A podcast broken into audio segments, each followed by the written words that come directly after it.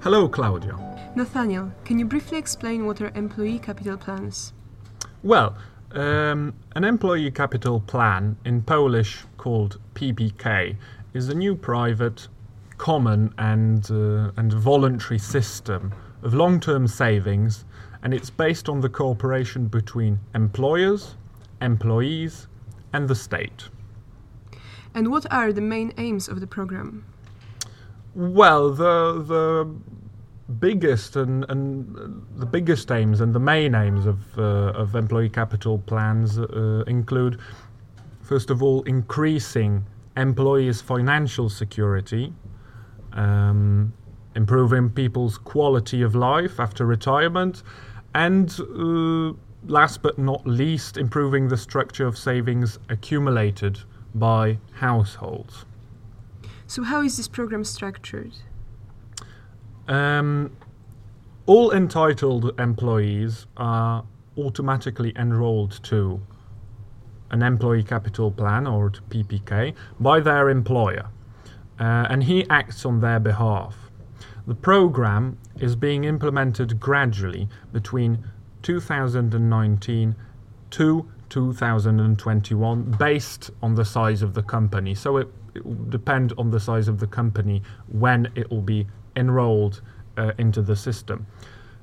Then we've got the payments, and payments uh, both from the employer and from the employee are transferred by the employer to uh, the employee's individual account in a chosen financial institution. The amount of the basic contribution provided by the employer is 1.5% of the gross re- remuneration of the employee. Um, and the employer has also the option of making an additional contribution, uh, which may be up to 2.5% of the total remuneration.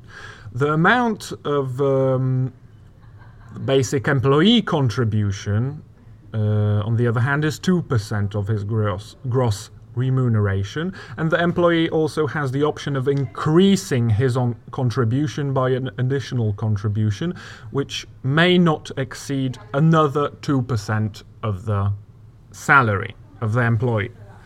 Um, savings made by uh, the employee and the employer are supplemented with regular subsidies from the state. And uh, we've got two such uh, subsidies. Well, one is an entry subsidy. Um, it's a one-time welcome payment of 250 zlotys, uh, and that happens at the beginning of saving. The other regular contribution by the state is uh, additional payment of 240 zlotys to their uh, to, to an individual account of the employee, which uh, is transferred every year as a sort of gratification for regular saving. The most important thing f- for foreigners is whether they can take advantage of the program and save in the PPK. Can they? Yes, the Act on PPK does not differentiate employees based on their nationality. Um, therefore, foreigners can also join the PPK provided that they meet uh, the same conditions as, as the Poles do. So, so it's pretty straightforward here. Um, but essentially, foreigners need to provide proof proof of being subject to uh, insurance uh, in Poland. Um, that is uh, also the same with with uh, with Poles who have to pay insurance from their gross remuneration from from what what they get because that is how employee capital plans work, and PPK will allow in general uh, approximately 11.5 million employees, including almost 600,000 legally working foreigners, to save regularly for retirement. But if an employee plans to leave Poland in the future, is it still worth it to save in the PPK? I think it is still profitable to save in PPK, even for one year. PPK is. Uh, the only savings program in Poland where funds come from three sources, as I described in the uh, in the part when I was um, talking about the structure of the program. So we've got the employee, the employer, and the state.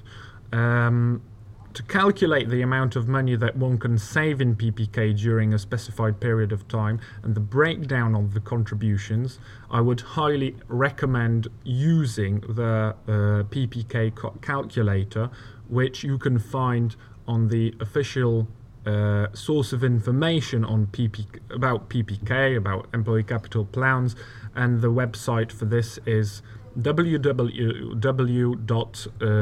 mojeppk.pl.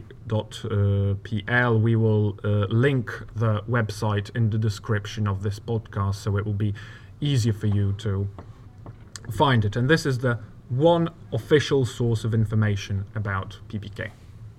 Thank you.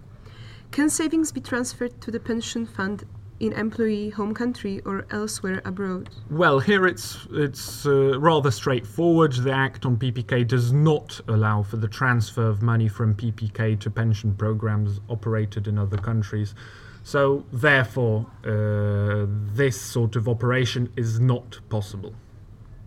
In that case, what are the options for withdrawal of funds for an employee who decides to leave Poland?